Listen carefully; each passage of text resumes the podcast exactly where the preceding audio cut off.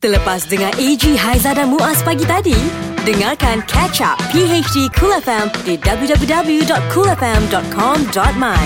Cool FM, temanmu, muzikmu. Assalamualaikum Selamat pagi semuanya Mendengarkan kami ya Adik Eji Haiza dan juga Muaz Alhamdulillah kita dah memasuki uh, September dah pun. Ya. Uh, bulan uh, kebangsaan 2019 so, uh, orang cakap tu berjalan dengan lancar. Alhamdulillah sambutan yang uh, luar biasa Luar biasa. luar biasa Betul dan kan? masih lagi berjalan Sampai 16 September Ya. Dan kita juga nak ucapkan Salam Al-Hijrah Tahun betul. baru Kita dah masuk 1441 41 hijrah Dan yang pasti kami rasa teruja dan rasa gembira apabila viral uh, ketika hari kebangsaan melihat yang di-Pertuan Agong dan juga Ah. uh, Permaisuri Agong sangat-sangat uh, sporting dan teruja kan. Ya Yes. manja gitu kan Syok, Oh bestnya betul lah. Jadi itu antara corak-coret lah Kita boleh katakan hujung minggu yang sedikit panjang Betul. Oleh kerana cuti tiga hari ya, Tak cukup Jangan risau Minggu depan ada, Ada lagi lagi. cuti Dia, dia panjang yang panjangnya. Uh, bestnya. Selasa, Rabu, Khamis Jumaat cuti lagi balik Ah. Kejapnya Jumaat cuti Tak Jumaat adalah cuti. untuk orang yang cuti Jumaat lah Oh okey Ah, kan? Tapi Ahad dia mana kerja Kalau Ah, Jumaat tak cuti Kita sampai Senin balik depan So minggu depan tiga hari lagi. Tiga hari lagi lah Cantik lah. Alright Kita, Baik kita? Ha? Kita? Kita Kita tengok tragedi Tak ada Tragedi September Cool FM, temanmu, muzikmu.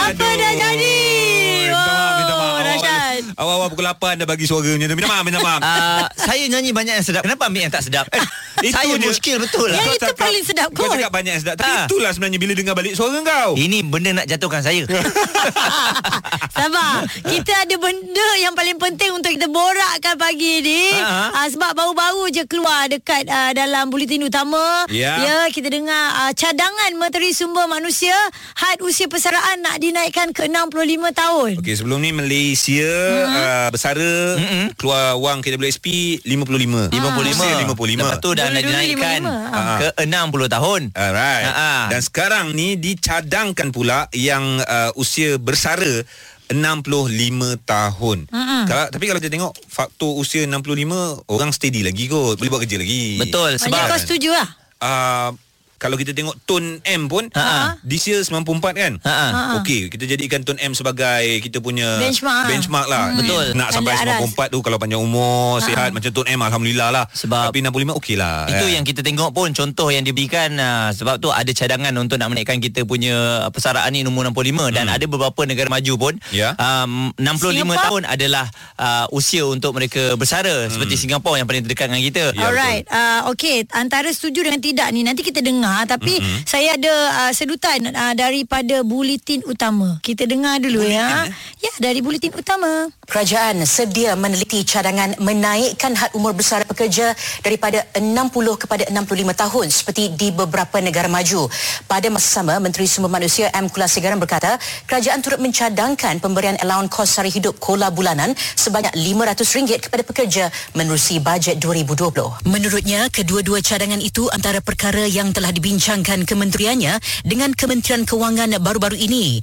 Dua cadangan berkenaan akan diperhalusi sebelum keputusan dibuat. Ini kerana beliau berkata, baru-baru ini Singapura menaikkan had umur persaraan kepada 65 tahun. Alright, itu Singapura 65 tahun dan kita Malaysia uh, masih lagi 60.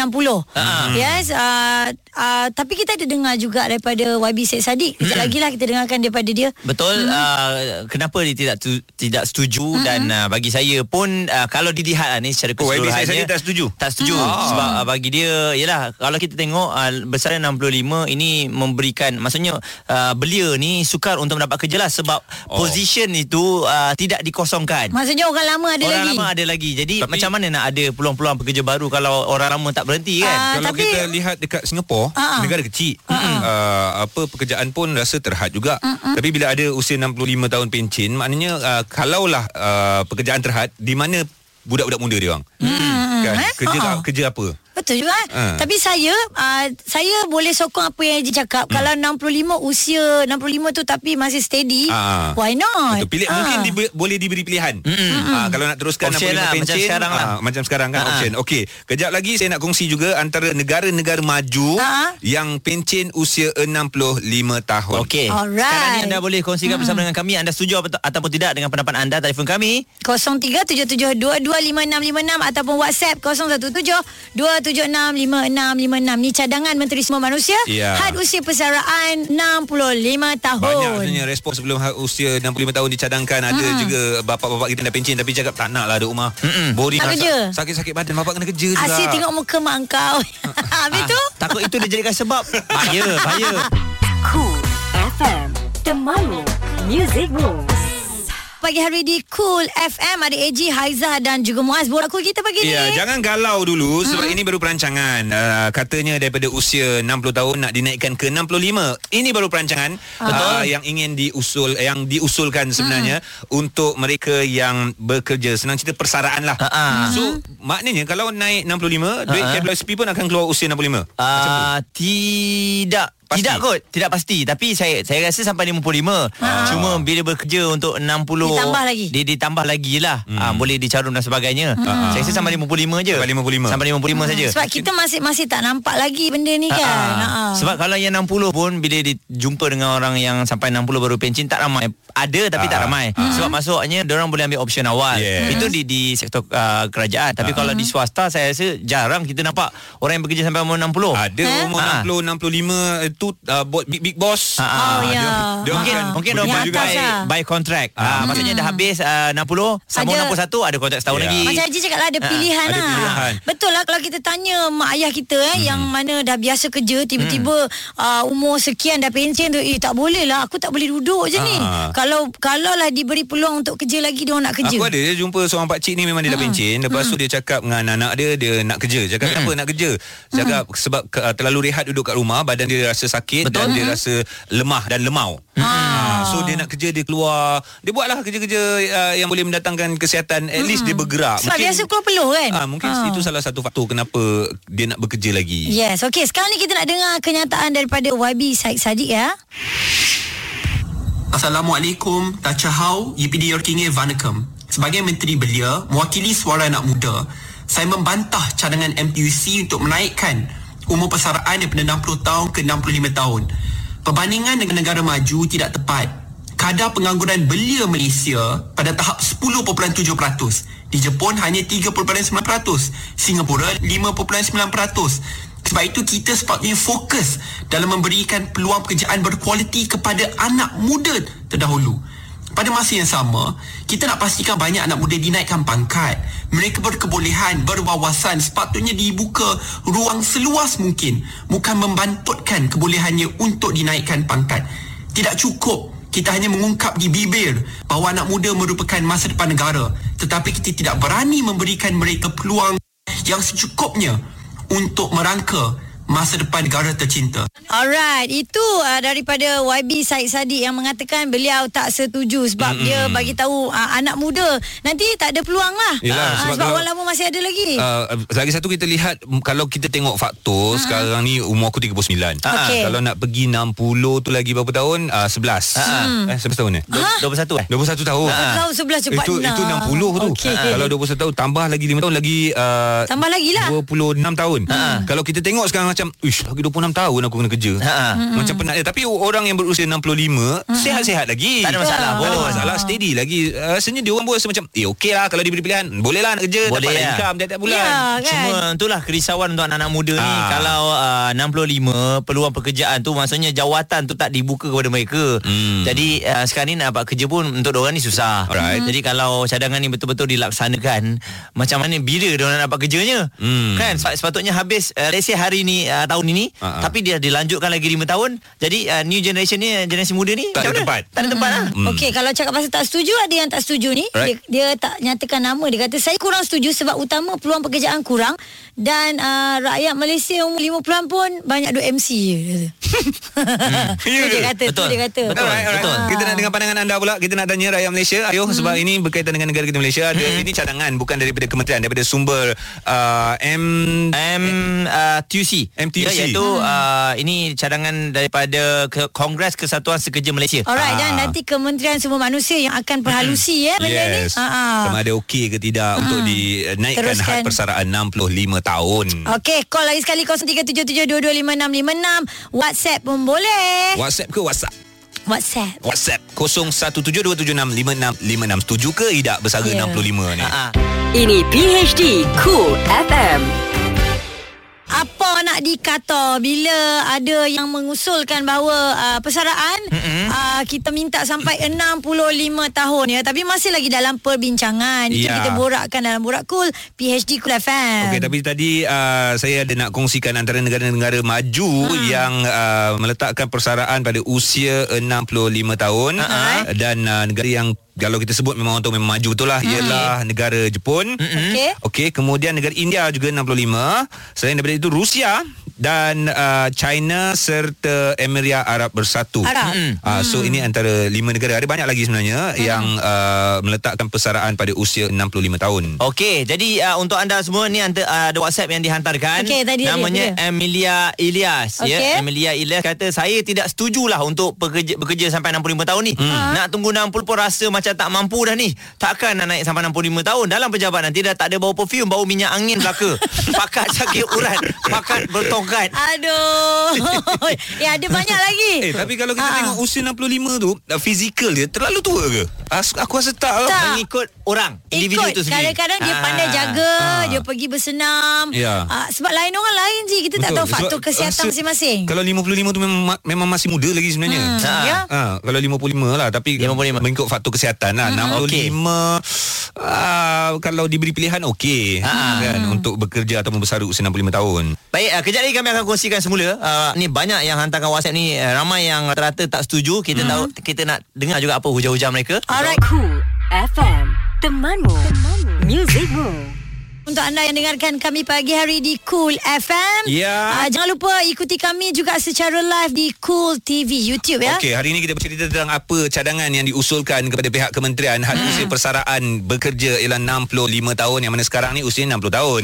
So katanya nak nak di ni cadangan lah. Cadangan. Sama ada lulus ataupun tidak akan diperhalusi lagi Okey. sebab uh, kalau kita tengok ini uh, kajian yang dilakukan di Amerika Syarikat sebenarnya uh, kebanyakan golongan lelaki ber, berusia 65 tahun bersara Okey. manakala wanita berusia 63 3 tahun baru bersara tapi kenapa persaraan 65 63 sebab komitmen diorang Ah, Ya. Ah, itu yang membuatkan mereka memilih untuk bekerja terus hingga berusia 65 tahun. Yes, ada ad- ada yang setuju juga Ha, ni. TH ni tadi. Ha, dia kata umur persaraan sampai 65 tahun tetapi dengan syarat Hmm. company mesti review performance worker setiap tahun. Alright. Ha, itu wajib dia kata performance worker kalau okey dia kata company boleh simpan lah sampai umur 65 tahun. Tapi kalau tidak company ada hak untuk terminate mereka sebelum 65 tahun. Oh. Ah, dan dia tak fair dia kata untuk uh, kalau awak datang kerja goyang kaki dan minta junior je yang buat kerja.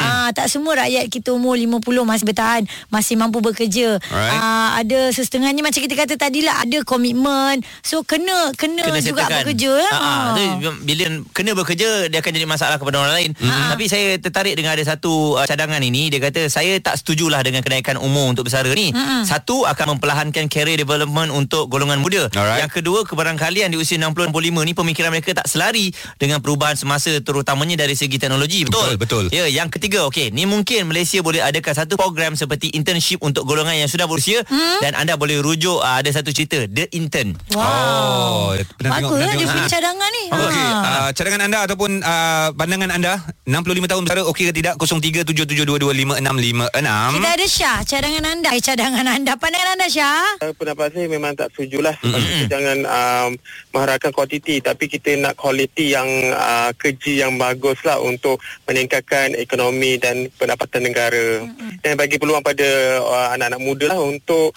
uh, apa menjana keuntungan apa pendapatan uh, negara kita lah mm-hmm. untuk masa depan. Tapi Syah, uh, kalau orang yang 65 ni ataupun 60 hmm? tahun dia masih lagi sihat, masih boleh bekerja, macam mana hmm. eh kalau dia orang nak teruskan? Uh, itu uh, tengok juga keadaan tapi hmm. kalau sekarang pun you tengok uh, Kak Aiza hmm. uh, yang senior-senior pun yang 55 hmm. menang pun macam dah tak larat uh, banyak juga lah okay, okay. Hmm. sebab banyak juga saya saya pun kerja bank orang kata bila nak pencen bila nak pencen oh. kan tak mampu kan. Ataupun uh, pada usia 60 hingga 65 kita uh, bagi dia kerja yang sesuai dengan usia dia. Hmm boleh juga. Tapi, tapi kalau bagi kekosongan. macam, kan? Hmm, tengok kekosongan juga sebab hmm. kalau bagi asyik uh, apa tangguh daripada 60 ke 65 untuk pencen hmm. anak muda anak-anak muda yang dekat luar dekat luar tu macam mana hmm. uh, tak bekerja bertangguh uh, lagi banyak, lah uh, bertangguh lagi lepas tu akan jadi banyak kerja sosial uh, yang, uh. yang tu buat semua kan uh, hmm. memang sekarang tengok pun ada budak-budak muda sekarang buat uh, apa grab food semua hmm. kan hmm. Uh, tapi sampai bila kan mm-hmm. kalau tak ada bagi ruang dan peluang kepada anak-anak muda yang yang ada berkualiti yang boleh memajukan kawasan 2020 lah yang pernah di bercakap oleh hmm. Tum Hadi. Tum Hadi. Ha. Hmm. Ya betul. Hmm. Okey. Kita kena memajukan ekonomi eh, sosio ekonomi lah negara yang itu yang kita penting. Kita uh-huh. tak nak kuantiti, kita nak kualiti, kualiti. yang bermutu yes. di negara kita. Nak atau tak nak kita kena terima hakikat bahawa prestasi kerja kita akan menurun di yes. usia kita semakin meningkat. Ya. Kalau kita nak bandingkan dengan Tun itu mungkin 100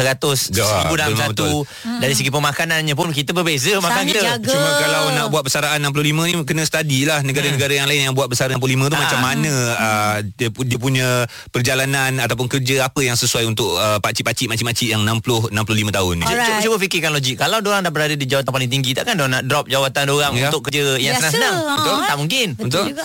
Baik, sekejap lagi ada WhatsApp saya nak bacakan. Anda boleh terus call kami lagi mm-hmm. 0377225656. Cool FM. AG, Haiza dan Muaz. Ini PHD Cool FM dengarkan kami tentunya pagi hari di Cool FM. Okey, ini ada cadangan yang telah pun uh, uh, di diberikanlah ya mm-hmm. uh, untuk uh, apa orang yang bekerja ni 65 tahun baru boleh pencen. Right. Sebab dia melihatkan bahawa uh, ada beberapa ada ramai orang yang tak habis lagi komitmen dan sebagainya. Mm-hmm. Jadi oleh kerana itu dia lanjutkan sampai 65 supaya mm-hmm. semua komitmen dia anak sekolah, mm-hmm. rumah, anak habis bayar pun semua mm-hmm. dapat diselesaikan. Okey, ada satu kajian yang saya buka dekat website uh, International Financial Samurai.com. Mm-hmm. Dia ni uh, bahagian uh, apa tu ala insurance lah. Okey. Okey, dia tengok uh, tentang retirement dan juga usia kematian. Oh. Okey, ini yang ni kajian eh mereka dah lakukan dekat luar negara. Uh, bersara usia 50 tahun uh, meninggal dunia kebiasaannya usia 85 tahun ke atas. Uh, bersara umur uh, bersara umur 50 ambil 55 tahun lah. Mm-hmm. Kajian kematian 83 tahun usianya. Kalau bersara umur 60 tahun uh, kajian meng- mengatakan kematian berusia 76 tahun lebih kurang dan kalau ber, uh, bersara umur 65 tahun mm-hmm. Uh, kajian mengatakan uh, meninggal dunia usia 66 ini di luar negara at least dia orang dah buat kajian kan mm-hmm. kenapa apa apa sangat jangka dekat. sangat dekat mungkin kerana faktor stres ha. dan juga sebagainya kan kerja lama kerja penat 65 lepas tu dapat rehat hmm. lepas tu yang besar umur 50 tahun waktu meninggal umur 86 tu mungkin dapat waktu rehat yang lama, lama. tak ya. stres yeah. mungkin komitmen tak banyak uh, itu kajian yang dilakukan dan sekali lagi anda boleh tengok dekat financialsamurai.com alright yang ini pula ada lagi dia tak setuju uh, macam ramai yang kata dia kata saya bekerja di bawah JLC walaupun diberikan latihan mm-hmm. masih tidak dapat membantu orang yang berumur untuk menggunakan teknologi dengan baik. Mereka hmm. lebih suka mengekalkan cara lama walaupun syarikat menggunakan teori paperless. Betul, betul. Uh, peluang untuk orang muda juga agak nipis. Uh, syarikat lebih cenderung untuk menggunakan khidmat orang sedia ada ditambah dengan kemahiran yang telah dimiliki kerana telah berkhidmat puluhan tahun. Jadi mustahil lah pihak syarikat nak menambah kota staf baru kerana perlu mengeluarkan kos tambahan. Hmm. Hmm. Okey, jadi kalau kita imbas kembali kita kembali ke beberapa tahun lepas hmm. ya uh, bermula pada 2001 55 tahun kepada 56 tahun. Ini adalah adalah tempoh persaraan yang telah pun digubah balik. Okay. Pada 2008, 56 tahun kepada 58 tahun. Hmm. Ya, kemudian pada 2012 rang undang-undang umur pesaran minimum 2012 telah pun uh, ditukar dari 58 tahun kepada 60 tahun. Alright. Mm-hmm. Okey, ada negara-negara lain yang dah buat 65, contohnya Singapura mm-hmm. seperti yang dikatakan Yang tadi. paling dekat lah. Yang paling dekat. Tapi kalau kita tengok memanglah usia 60 65, tapi dia orang kerja dekat mana? Dekat ni uh, apa um, restoran makan segera. Hmm. Ambil order kat situ kan. Kena pilih dan, Dan tangga gaji, tangga gaji budak-budak pun dah naik kot lain kan. Okey, uh, pandangan anda lagi? Silakan respon kita nak dengar Malaysia 0377225656. WhatsApp 0172765656. Cool FM Temanmu Music Rules Oh, kalau dapat pasangan yang materialistik, abang kena pencen 65 dek. Hmm. Lagi payah. Kan? Ha. Nak buat macam mana? Ah, pagi hari di Cool FM. Selamat pagi semua Terima kasih Sekarang ni dah Satu jam juga kita borak pasal uh, Katanya usia persaraan Mm-mm. Nak naik 65 tahun Ya, yeah, memang betul pun. Jadi uh, cadangan ini nampaknya ada pelbagai pendapat yang diberikan. Mm-hmm. Ya, ramai juga yang membantah sebab apa? Kalau kita tengok dari segi umur ni, waktu tu ramai yang kata lebih baik berehat lah. Mm-hmm. Sebab uh, kalau kita tengok uh, kebanyakan uh, ketua-ketua jabatan uh, khususnya untuk kerajaan, mm-hmm. mereka yang mempunyai pangkat tinggi ni adalah 50 tahun ke atas. Okey. Ya, ini kata rakan kita daripada Kuching Sarawak ni. Mm-hmm. Jadi golongan muda ni kurang peluang lah untuk memperbarui cara pentadbiran kerajaan. Okey. Jadi saya percaya golongan muda ni ada banyak idea untuk meningkatkan lagi pemerintahan negara. Hmm, Contohnya ya. Kalau dapat apa pandangan masing-masing tu lagi best lah sebenarnya kan. Baik. Baik, kita ada uh, Su sekarang ni yang nak share awak punya pendapat. Silakan Su. Saya rasa macam tak sesuai lah untuk kerajaan Malaysia sekarang ni. Mm-hmm. Ha, sebab rata-rata yang saya review sendirilah apa yang saya nampak. Alright. Umur 40 pun dah malas nak pergi kerja semua. So Ah. ini nak pulakan 65 lagi lah. Eh, Jadi 40. Sekarang ni 40 umur-umur kita tau Bulu dah malas Nasib baik kita rajin. Nervous lah. lagi satu dengan sekarang kita punya keadaan rasanya macam kesihatan rakyat Malaysia sekarang semakin menurun. ah, Seram Sebab dengan keadaan keliling kita yang sekarang ni semakin negatif, Faktor. Ah ya saya banyak faktor yang boleh mer- merudungkan kita punya prestasi sebenarnya. Ya, betul-betul. Ah, saya rasa memang tak sesuai lah 65. So, stick to 60. Sokong yang ah dari sokong sangat yang Emilia sekarang yang tadi WhatsApp tu sebab ah nanti semua Bau minyak semua angin. pejabat semua bau minyak angin. So awak rasa maintain 60 ke Ataupun nak kurang lagi 55 ah kalau saya saya nak 50 pun boleh. Oh, Alright, dia nak baik. pendek lagi. Okey, tapi Makcik lima- kita lagi 10 tahun. Tapi masaknya 50 tahun ni kita tak sempat habis bayar hutang lagi wah. Ah. Ha, hutang rumah sampai 60 ni. Itu je berhutang macam awak, saya tak ada. Wow Awak kena kasih balik. Dia orang ada Saya ada. pergi kerja sekarang awak. Alright, terima kasih, Wak. Okey, uh, itu pendapat saya lah kan. Ah. Tapi betul juga Muaz cakap uh, Dalam usia sekarang susah sebenarnya Nak cari orang yang dah steady Di usia 50 tahun Mana? Sebab Masih lagi komitmen hutang keliling pinggang. Hutang keliling pinggang satu hal ah, Satu hal komitmen diri sendiri Komitmen Ah. terhadap anak-anak Anak kita lagi, anak kecil lagi. Ah, yang 50. anak kecil yang belajar lagi kat universiti yang belajar lagi dekat apa IPTS lagi kan. Oh, itu yang kira dah masuk you yang Ah. baru dah jenam. Ah. Ya. Ah, kan. Masalah juga eh. Jadi uh, pendapat anda lah kita tengok secara keseluruhannya satu tadi uh, faktor kesihatan rakyat Malaysia Betul. berbeza dengan negara yang maju. Uh, dia punya kesihatan baik. Ya. Jadi 65 pun steady. Kita 65 pun ada macam-macam. Tiga Ah. serangkai lah, empat Betul. serangkai lah. Itu yang popular kat Malaysia lah Ah. kan. Tapi kita harapkan rakyat Malaysia dapat ubah lah benda ni kan Kalau nak 65 tu Alright dan untuk anda semua Terus kekal di Cool FM Cool FM Temanmu Music Rules Muaz kasih jadi Dah start dah Hari ni kasih jadi Jangan lupa Muaz Ada kelas vokal bersama Makin dengan nervous pula. Mark Adam Suara Akademi Ini Ah. benda betul-betul eh. Hari pertama eh. Hari, Hari pertama, masuk kelas. Oh, sama juga dengan anda hari pertama naik kerja hari ni yang cuti panjang. Uh, Ya. Mungkin tersekat dalam kesesakan lalu lintas. Ah. Agak uh, terkejut jugalah. So, Muaz agak terkejut juga. Agak terkejut juga sebab nak masuk kelas Belum ni. masuk kelas lagi, kejap lagi nak masuk. Saya dah bawa dah nota apa semua. Wah, dahsyat. Nota Oh Okey Nota okey kaki bagus tu kena tulis. Nota di lautan sepi.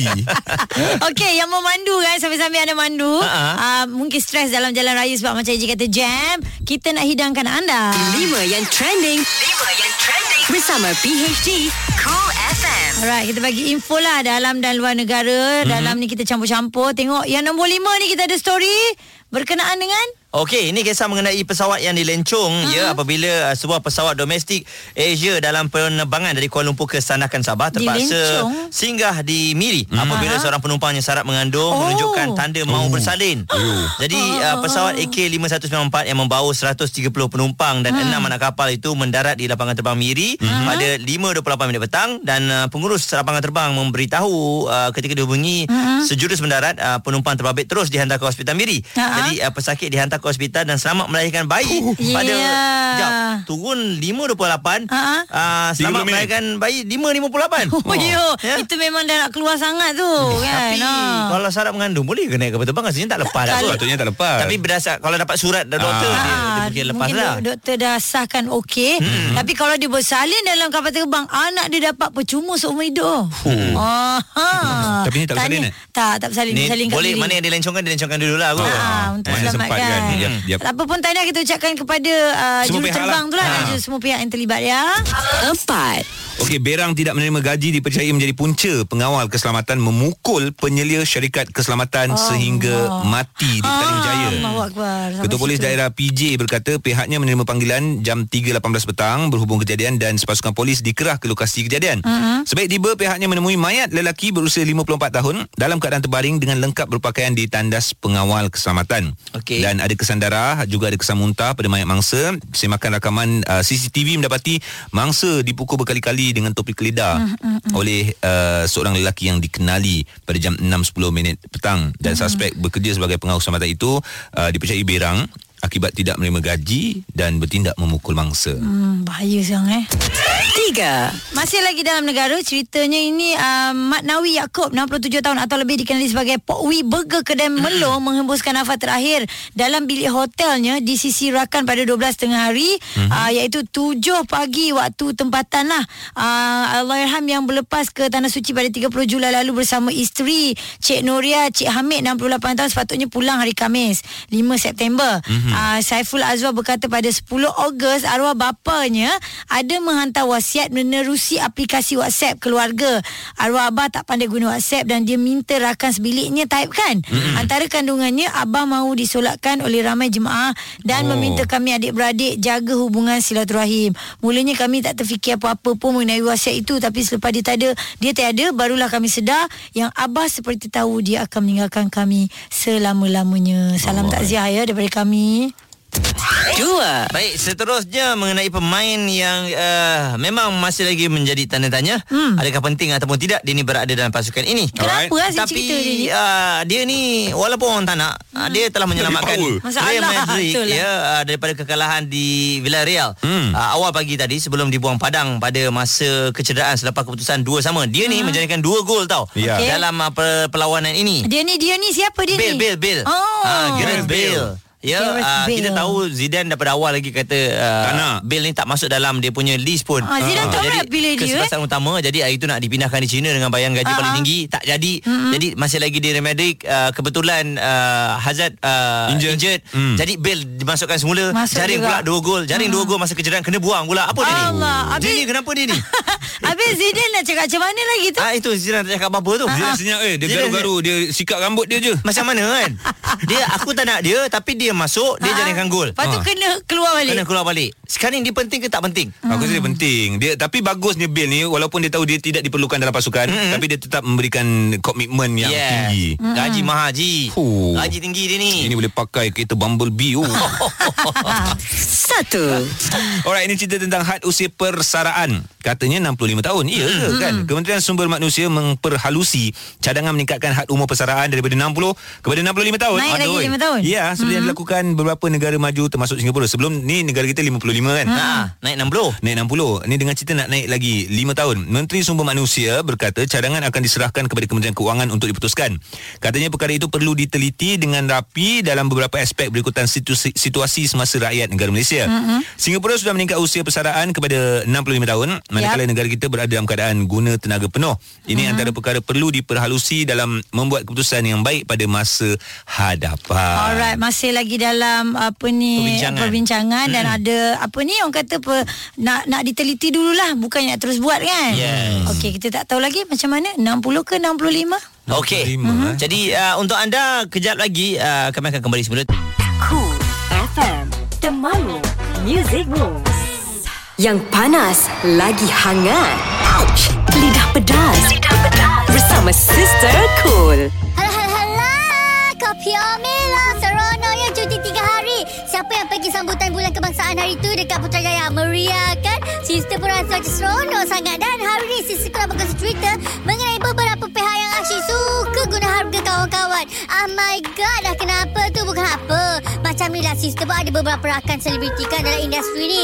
So bila Sister tuntang-tuntang-tuntang Kat kedai teh kedai kopi tu Borak-borak Sister. Tanyalah kat kawan-kawan Sister House life. Ha gitu speaking tau. Kau pula kawan dengan Mak Saleh Angelina Jolie So bila kawan sister ni cakap bukan apa sister. Kita kadang-kadang macam sedih lah dengan keadaan sekarang ni. Orang bagi job tapi asyik bagi harga kawan-kawan je. Macam tolonglah kita ni kadang-kadang dah berpengalaman. Kita ni kerja lama. Kita ni bagi komitmen sangat baik Call time datang awal Datang script reading Datang rehearsal. Tu tu tu harga kawan-kawan ha, Kesian kita. Itu kan nasi kita. Itu kan punca rezeki kita. Janganlah macam tu Ya Allah kesian kat orang mencari duit ni? Dia pun ada anak beranak Ada ahli keluarga nak kena tanggung. Janganlah asyik bagi harga kawan-kawan je. Engkau kalau nak buat bisnes Letak harga ha, kemain tinggi. Tapi bila engkau nak guna orang Kemain harga kawan-kawan. Tepuk kepala tu je lagi. Okeylah bye AG, Haiza dan Muaz Ini PHD Cool FM Hot Cool Monolog Merdeka Apabila selebriti terhangat dan paling cool di Malaysia bergabung, lalu tercetuslah Hot Cool Monolog Merdeka. Monolog Merdeka, Aku Bukan Hidup Seribu Tahun, Ahmad Fetri Yahya. Aku bukan hidup seribu tahun untuk menghitung sanjungan dan hinaan, untuk mendengar pujian juga cercaan. Ya, aku manusia biasa. Ada baik, ada buruk. Mungkin kalian terlupa. Aku bukan hidup seribu tahun untuk kembalikan mimpi bahagia dulu, untuk membasuh luka dan air mata semua untuk menggilap semula maruah yang tergadai. Ya, aku pernah tersilap menduga. Sekarang ini aku membayarnya dengan sisa usia yang tinggal hanya serpihan. Aku bukan hidup seribu tahun. Aku sudah puas berbicara. Aku lelah bekerja untuk kita. Aku jemu. Aku jemu dengan hasad curiga. Cukuplah. Sudahlah. Aku bukan hidup seribu tahun. Bila-bila masa, aku akan pergi. Aku hanya ingin tidur sambil tersenyum. Nusa ini milik kalian. Teruskanlah usahaku. Kalau tak mahu, tak apa. Asalkan kalian jadi yang lebih baik. Aku bukan hidup satu tahun. Bukan seribu tahun. Bukan selama-lama. Aku tahu betapa azabnya menuntut kebebasan. Aku tahu betapa manisnya kemerdekaan. Aku cuma pejuang. Mungkin aku bukan pemenang. Kerana aku cuma wira lapuk yang ditelan zaman. Menolak merdeka. Ahmad Fetri Yahya. Cool FM Temanmu Music Moves sama anda-anda sampai sama anda, ada anda Apa ni? Sabar, ketawa sabar, sabar. ataupun anda menangis Ah, anda kena layan kami pagi hari di Cool FM Ya, yeah, memang betul. Sebab sekarang ni kita nak berkongsi ilmu. Hmm. Saya pun tak berapa uh, apa tahu tentang Ha-ha. fakta auta yang nak dikongsi ni. Ha-ha. So kita tekalah macam mana? Kita tahu Ha, pun ini anak-anak yang fakta. ada. Ah. Eh bukan Ini Auta Eh mana satu ni Alright, yang mana satu pilihan kalbu negara uh, ataupun republik paling kecil di dunia yang mempunyai penduduk paling obesiti. Ai, Ah. Ha, lah ingat negara paling kecil, negara Ha. paling kecil saya tahulah. Negara paling kecil Ha-ha. mempunyai penduduk uh, Obesity. obesity Ha-ha. paling ramai macam tu. Faham, faham. Cikgu faham. Ah, apa dia? So aku rasa fakta Ha. sebab makanan tak berebut. Uh, sebab negara tu kecil Ha-ha. Orang pun mungkin tak ramai sangat So dia nak makan apa Dia makan je lah Dan uh, penduduk dia ramai obesity Okey, sebab dia negara paling kecil, Ah. dia paling banyak obesiti. Muaz? Uh, saya rasa tak cikgu. Ah. Sebab negara yang kecil uh, dia tak akan makan banyak sebab tempat dia tak besar. Oh, ya? Kalau dia makan cikgu, sempitlah tempat dia. Oh Ha, betul tak? Itu nak fikir macam mana eh? Saya fikir tadi. Tak apa, cikgu Okey. tak payah fikir. Cikgu bagi jawapan dia. Okey. Ha, fakta. Okey, okey. Kenapa fakta? Memang benar ya, negara paling obes adalah negara yang paling kecil. Uh, Nauru merupakan republik terkecil di dunia hmm. yang terletak di lautan Pasifik. Sejak industri uh, fosfat negara itu berkembang pesat, rata-rata daripada rakyat me, rakyatnya mengidap obesiti selepas pengenalan makanan barat berlemak tinggi di pulau Oh itu. ya ya ya ya betul. Nah. Eh, Nauru. Dana tukar. Betul betul betul betul. Ah. Negara eh? Ya. Negara. Negara Dia paling Nauru. kecil. Mm-mm. Macam Republik kecil. Dekat-dekat Ah, ah. dengan Samoa ya negara tu. Bukan? Kecil. Tak tahulah. Dia dekat Tapi sana dekat ada beberapa daerah. New Zealand ke? Pasifik. Antaranya ada Baiti, Ijum, hmm. Nibare dan juga Yaren. Dia Ah, dah- Baiti pernah dengar. Ni kawasan mana ni ya? Benua apa? Benua Ah, apa? Tapi dia dekat area Lautan Pasifik. hmm. Benua tak tahu. Benua tahu. Ha, Boleh kita cek balik lagi, ah. Ah, ah. Nauru ah. Jadi Nah. itu tugas kamu ya Muaz untuk cek. Ah, nanti saya tengok ya. Ah, Ah, dia Nauru ni dekat ah, dengan Papua New Guinea. Ah betul lah. Ah, ke Cik, atas betul lah dia sikit. tiba. Atas sikit ujung. Ah, ah. Uish. Betul. Dia dekat dengan Fiji ke apa ada? Sekejap eh, dekat dengan Fiji eh. Ha, Samoa, Ah. Fiji. Tak nampak pula. Tak nampak Fiji? Semua sudah. Ini- eh. Tak apalah. Eja Nauru macam mana? N-A-U-R-U. Nauru. Okey, selamat mempelajari Nauru. ah, negara Nauru. Jom kita Okey. pergi tengok. Cari sendiri ya. Ini PHD Cool FM. Yes, anda terus ikuti perjalanan Muaz belajar vokal bersama Mak Adam di platform Digital Cool mm-hmm. FM. Boleh juga dengar update terpanjang hari setiap Isnin hingga Jumaat bermula September ini. Hashtag Muaz kasih jadi di Cool FM Temamu Music. Saya Room. sebenarnya rasa janggal sungguh apabila orang sebut nama saya setiap jam. Asal? Ah, Tak nam- suka? Saya rasa takut. Tak apalah. saya rasa ada bebanan besar untuk Itu saya. namanya untuk mendorong kau uh, terus maju dan maju lagi. Okey. Ya. Sebab bila dis- disebut hari lagi bukan orang yang nak jumpa, entiti pun nak jumpa kau. Okey, tapi kita nak minta entiti ni, ada satu entiti nak minta disebut Muaz. Dia boleh tak Muaz? Dalam dalam entiti dia tu. Ah, dalam Muaz, entiti dia. tolong. Muaz. Uh. Oh. Oh, yang Ah, tu kau lagi okey? boleh tak entiti? Macam Ah. sedap pula suara. Alright, semua beriak-beriak Kul FM ni special kami bawakan kepada anda. Kita ada Fazura. Good morning semua. Good morning. Eh Fazul uh, Ya. Soalan pertama Eji nak tanya Ya, Pertama ya, Memang ya. dekat Malaysia Sebab baru dia tengok YouTube hari tu Ah. dia, dia cakap uh, Kajian dia kajian Ada kajian lagi. Orang Indonesia ni ah. Dia tengok uh, Dia membezakan hantu Malaysia Dengan hantu di Indonesia Okey. Biasanya hantu kuntilanak itu ah. Dibezakan dengan hantu pontianak Okey. Cuma Dibedakan, ah, ya? dibedakan. Dibedakan. Cuma katanya hantu pontianak ini asalnya cantik. Ah. Waduh. Lepas tu bertukar. Betul betul bertukar. so jadi orang cantik ni memang watak pontianak tu sesuai ya. Ai berjam-jam orang kata nak cantik kan. Ya. Berjam-jam nak cantik, berjam-jam juga nak buruk. Mm. Uh, tapi of course bila cantik tu dia happy, dia tengah gembira. Mm. Tapi bila dia berdendam tu of course dia bertukar menjadi scary lah kan. Ah. So Tu yang tajuk dia dapat dendam tawaran pontianak. ah, Faz I nak I nak you berlakon dengan I tapi you jadi pontianak. Ah, okay. Ah. Ah, mula-mula saya dapat tawaran tu pun saya skeptikal juga sebab of course tak nak buat Pontianak lagi. movie. Tengok. Ha, pontianak filem filem Tapi sebelum ni awak pernah berlakon juga jadi ah, tapi hantu kan? one tak scary. Ah, itu cerita tu. kelakar. Ah, dia macam kelakar-kelakar. Makan coklat. Dia ke- eh, Mana ada pontianak makan coklat? kan.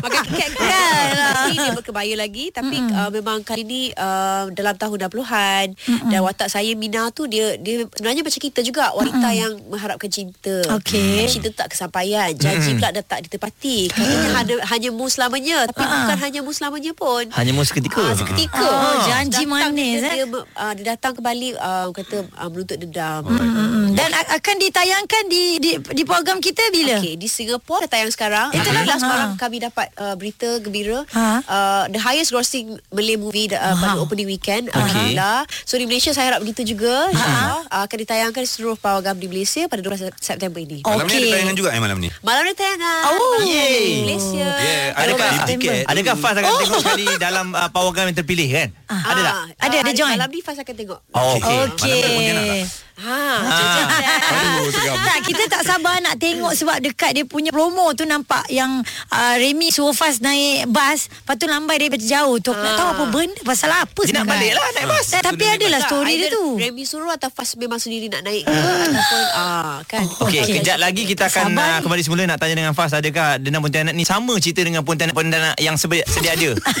kan? Maksudnya Faz. Faz. Oh Faz. Ah, nak kalau nak tahu Muaz ni penakut orangnya. Ah, ceritalah apa yang boleh nanti eh. Depan Eh, jangan depan sikit. Jangan Ah, sorry, Faz. kongsi ha. Sebab, ah, Kita ah. makan gingerbread dulu. gingerbread. Ini PHD Cool FM. Siapa pendengar Cool FM yang sama macam Muaz penakut? Sebab kita ni tengah cerita dendam Pontianak. Cakap orang. Kan Ha. Dia Haiza dekat BHD Kul FM ni Dia kejap berani Kejap Ah, tak kejap Ah, kita takut. perempuan tak apa.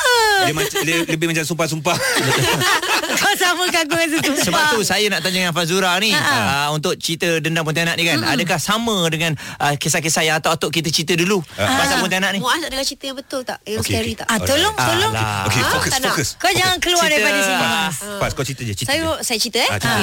Cerita yang betul. Okey, uh, jalan cerita Sebab memang lain. cerita berbeza. saya tak Alah. takut Oh, tak takut. Lawan now Kita fokus, bagilah dia fokus cerita. cerita Okey, dia. okey, okey, okey, okey, okey. Okey. Satu malam tu saya tengah dinner. Ha. Lepas tu dua tiga hari sebelum tu ada seorang perempuan dia jaga saya punya kostum tak boleh tengok muka saya. Saya kata kenapa tak boleh tanya semua tengah borak dengan production manager bang kenapa dia tak boleh tengok muka saya. Tak fast benda, benda tu datang segah dia. Jadi awak. Okey tak apa. Saya pun Oh. duduk. Okey. Tapi kau nak tengok dia dekat belakang fast. Allah Macam tu. Ah belakang ai cakap mana ada? Mana pandai Ah, ah, je bang? Tak adalah. Ah, ah, ah. sudah pusing dah. Tak ada tak adalah tak cerita betul-betul kat belakang tu ada rumah uh, rumah orang meninggal tu. Kat beranda Ah, tu kita tengok ah, ah. fast. So pusing lain sekali. Betul ke? Tengok lama-lama tau. Memang nampak. Memang dia Oh, duduk kat ada? situ. Memang dia duduk kat situ. Berbaju kebaya putih. Tapi dia punya rambut panjang Mengurai. Dia tutup muka dia Oh, ya, Tapi tapi memang dia- facing dia duduk Kat beranda tu facing Fast lah. Facing Maknanya muka. bila abang tu cakap Faz toleh Nampak? Ah nampak. Eh bestnya Ah. Eh best. Bertuahnya. Eh, Jin. Bertuah Itu nama dia bertuah rezeki. Eh ya Allah. Aku memanglah suka dengar. Tapi Pak-pak nak jumpa ni Memang aku takut. Ah. Tapi bila Faz jumpa macam tu Perasaan macam mana takkan Sebab relax je? ramai Tak relax lah. Takut juga. Tapi sebab ramai kot. Dengan lampu semua kita Tak adalah macam takut sangat. Kalau macam Pas orang ke Abang cakap jauh sikit Ada lagi kesan, kesan Tapi bila Faz balik rumah tak takut ke? Maksudnya Ah. tak, kan orang kata benda ni saya ikut. Ah. Pagi Balik dah terang So tak lah takut sangat Rasa takut tu Ah. tak ada lah. Kalau macam balik Macam 3 pagi ke Nervous jugalah Tak Balik ada lah. dah 7 pagi 9 pagi sampai rumah dah hmm, Abang ada kan Tak apa-apa Abang ada kat rumah Ah, betul lah. Pegang watak macam uh, Bukan Pegang watak Pontianak uh, Berapa lama shoot? Ah, 24 hari tak Lah salah dekat sebulan juga Nak Ya. bermain dengan jiwa Pontianak ni Ya, ya, ya, ya. Ada tak Faz terbawa-bawa kat rumah kan? Ha. Tiba-tiba kan cakap dengan Fatah, Fatah terperanjat ke? Macam Ah, ada? ah, Faz jadi Pontianak, Fatah jadi polis. Ada tak? ah, Itu dua cerita yang berbeza Tak ada lagi lah Belum Kan? Sebab dia dua-dua tengah berlakon Ah, kan? tengah berlakon. Betul juga. Pontianak tembak. Dorbu Okay, lepas ni kita nak tahu sinopsis cerita Dendam Pontianak yang uh, Faz ada cerita tadi dendam sebab janji tinggal janji. Lepas tu nak tahulah ada ada elemen uh, apa uh, jenaka ke ataupun memang serius memanjang ke atau cinta ke kan. Sekali kita cerita ya. Alright. Baik Kalau ada yang nak hantar whatsappnya Hantarlah kan. Nak tanya Faz apa-apa 017-276-5656 Ini PHD Cool FM bersama AG, Haiza dan Muaz. Bersama dengan kami ada Fazura Untuk filem Dendam Pontianak. Pagi Ya. hari di Cool FM Ada whatsapp ah. Hari ni nampaknya Pontianak merayau-rayau Tadi kat radio lain. Ini masuk kat radio ni. Tapi kita relax je. Tak pergi je. Uh, kalau dia menyerupai macam ni Okey. Okey. Ah, Jangan tukar rupa. Kenapa Faz datang tak pakai kebaya merah tadi? Kan. Ah, lagi best kan Tapi memang Pontianak dia akan pakai warna merah. Kenapa? Lalu sebelum ni Pontianak baju putih Kaftan Tak. putih Ah, ah, eh, Apa dia? Kaftan putih Kaftan putih eh, yang Abu- kita ah, yang eyes yang kan? kita Ah. nampak kat bawah tu, Ah, ah. yang kat bawah tu macam hijau-hijau dan lusuh kan? Kebaya juga Ha. Ah, Ah, yang tak kita apalah. Kita ada WhatsApp ada ni kaki tu. ha. Dia kata Faz in the house Yeah. Faz I ni penakut yang amat dia Okay. Tapi nampak iklan uh, filem ini Dekat TV memang I mute speaker Hmm. Tapi demi you I akan pergi tengok uh. Tapi awal-awal lah siang dia kata Thank you. I, Nanti I tengok I tag you eh I Okay, pakai please. Uh, red kebaya Please tag me tag Erin nama dia. Okay siapa dah tengok Please tag me Supaya Yes. yes. boleh repost nanti Di IGS Ah. ah. Dan siapa yang takut tu Harap gagahkan diri Yes. Muaz akan gagahkan Pergi diri. Tengok Ya, I okay. tengok. Saya boleh teman nanti Boleh, Faz boleh. Ah, Faz tak Ah. payah teman Muaz Tak Sebab payah. ni ada teman uh, Muaz Siapa? oh, dia, Saya Tak teman, okey. Dari Alostar Saya macam Muaz Penakut Ah, Lelaki, lelaki perempuan ni? Ah, lelaki kot Bila tengok Pergi cerita sendiri lah, dah besar. Bila tengok cerita seram Mesti saya tutup dengan tangan Jangan Tengok melalui jejari saja Ah. Walaupun pelakon cantik macam Fazura Dia kata Sedangkan komedi seram pun Saya takut apatah lagi Cerita yang memang seram lah ah. Boleh-boleh Sebab insyaAllah. Cerita seram ni terhasil apabila ada cerita-cerita macam tu dalam realiti kehidupan. Betul, Yes. betul. So Ah. bila dia terhasil tu nak nak kena adalah cantikkan cerita dia, jalan dia macam mana. Da, eh, untuk dendam pontianak ni macam mana jalan Dan dia? tidak tu lah Ah, kata tak adalah dia. Kita pakai kaftan-kaftan putih lagi Ah. Tak adalah Smoky eyes pun tak ada Dia uh, Cantik je. tu, uh, Dia cantik uh, I mean taklah cantik all the way So saya Tapi uh, cantik kan Tu dia puji nak banyak cantik kan? tu lama nak, ah. nak buruk pun lama Okey. Ah, Tiga jam nak Orang kata jadi hantu tu nak, nak Cantik pun lama juga Berjam-jam okay. But anyway uh, Perbezaannya ialah dia tu memakai kebaya. Hmm. Kenapa dia pakai kebaya? Masa dia mati pun dia berkebaya. Oh. Macam dia mati, kena tengok cerita dia. Ah. Dia Simple. mati nak pergi kerja kahwin eh? Ah, Mungkin juga Hai. Kerja kahwin ke Kan. ah, Mungkin baru balik pada Kerja kahwin ke Ini, ini kita tengok berdasarkan uh, promo keluar tu lah kan Ya, betul. Elok dengan Remy Isak Tiba-tiba bersanding dengan orang lain Itu yang membuatkan kita lagi terfikir Itu dendam dia ni. hasil tu. Ha, kan La- Latar belakang dia tahun 19 60-an 60-an Tapi mungkin dia bersalah Mungkin Remy juga bersalah ah. ah, Who knows Hmm. So Baik, dalam 12 cerita ni September, ada, ada paku memaku ke? Ah, of course Saya, Ada. saya rasa paku-maku tu Memang adalah Itu Pontianak kan? Cuma Pontianak. uh, sebelum ni Tak dipotretkan Bahawa Pontianak tu Dia duduk di kebun pisang Oh. Ah, and Faz ingatkan ni adalah satu mistik saja. Mistik eh, myth. myth. ah, ah, mitos, ah. Myth, Mitos. Ah. Okay. Uh, tapi bila Faz ke Universal Studio Singapore last year, set Pontianak tu memang sebiji macam set yang Faz lakonkan. Oh. Ah, memang ada kebun pisang semua tu. Memang sebenarnya uh, Pontianak tu dia mati di kebun pisang. Oh, tapi zaman sekarang Pontianak dah bukan dekat kebun pisang Ah, tau. itulah kat beranda-beranda ya. Dekat beranda ataupun apa ataupun ini ini ini betul kan dah, dah beberapa kali jugalah uh, Jumpa. cerita uh, Pontianak ni dia lepak dekat ni tangki air.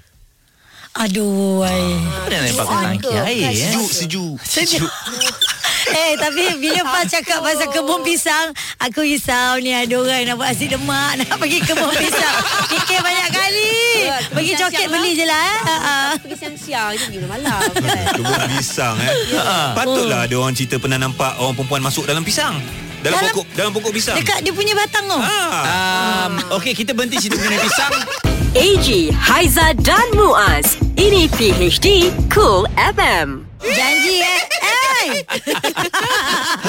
Jangan Baru nak cakap Janji Dengar, dengar kita orang Pagi hari di Cool FM Ya, ya, ya, ya. Kerana anda ditemani Selain kami bertiga Kita ada Fazura Pontianak yang cantik Ramai juga yang terkejut tadi kan. Faz dalam cerita dendam Pontianak awak mengilai ke? Ah, Mengilai-mengilai ni tak ada Oh tak ada. Ah, tak ada. Oh ini Banyak Pontianak lain eh. Dia Nangis. bukan tipikal Sedih, dia cerita sedih. Pontianak tau Ni ni ni tadi Ah. Faz ada cakap Fatah tengok ada satu scene awak menangis. Ah semalam hmm. Ah. Tak trailer tu Tak ada dia tengok Lepas tu Yang you kena nangis ni I lah Eh bukan body double I lah nangis tu Pukul 2 pagi Pada penat I nangis ah. You ku Eh takut lah Cik I tak nak pergi lah Tengok premium esok dia kata oh. You tak ada Dia seorang kat rumah Ah, dia yang ada I penat syuting filem tu Jom tengok Cakap dia tinggal I seorang. Nanti lagi ada orang nangis.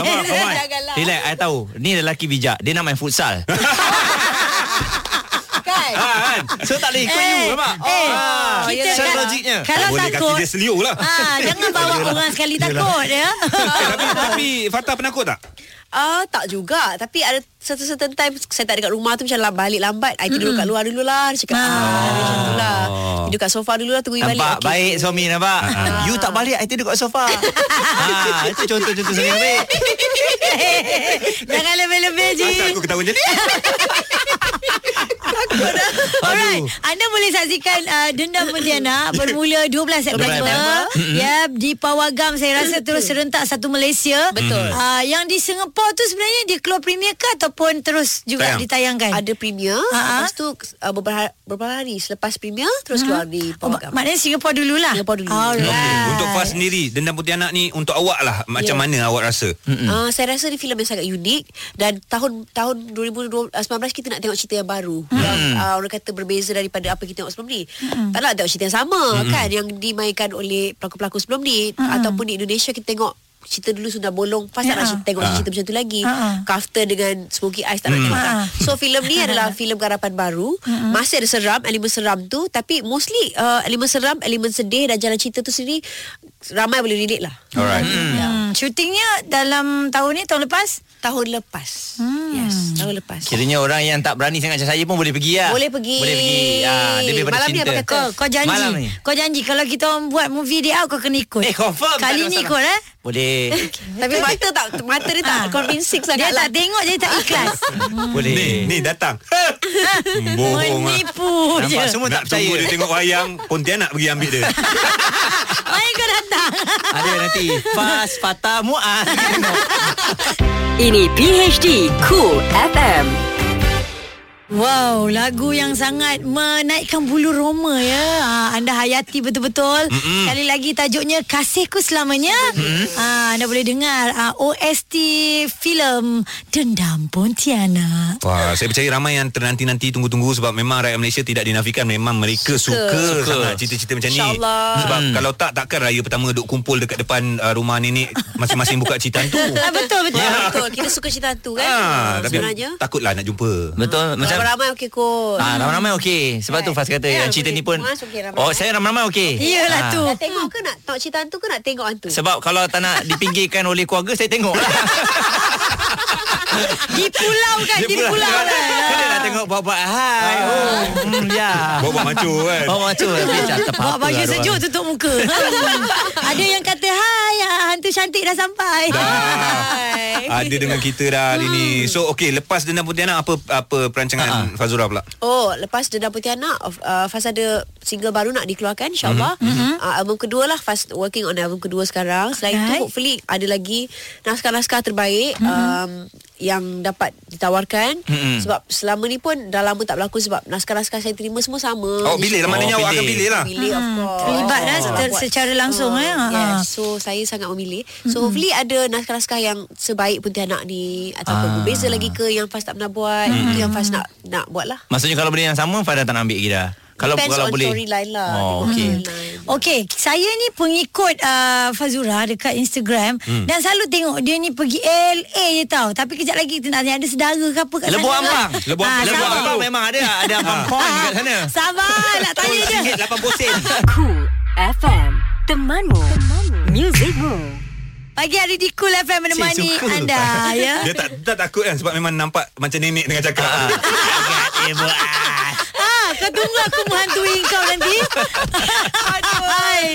Alright, kita ada Fazura lagi untuk Dendam Putiana. Yeah. Ah, Seronok saya kat set ni. Ha. Ah, kat set lah. Kat set. Alright. Faz, dalam banyak-banyak cerita hantu yang pernah Faz tengok, Faz Ah. rasa seronok, seram cerita apa? Apa sudah bolong Pontianak? Susana. Oh. Susana. Yang Indo lah Indo. Mama, aku sudah pulang. Ya. Mama masuk di dinding itu. Baik, ibu sudah jadi setan. Aku akan menuntut Bella. Pas lah. silap tanya Pas Skrip ni saya dengar 3 tahun dah saya dengar Dia tak habis-habis mengenal Skrip yang sama Bapa Bapa aku sudah pulang Dan ni lagi akan sambut Dah 3 tahun dah So sudahlah Eh, Skrip lain ke? Ya? Skrip lain please tapi itulah yang Aduh. meninggalkan kesan kan Ji kan? Ha.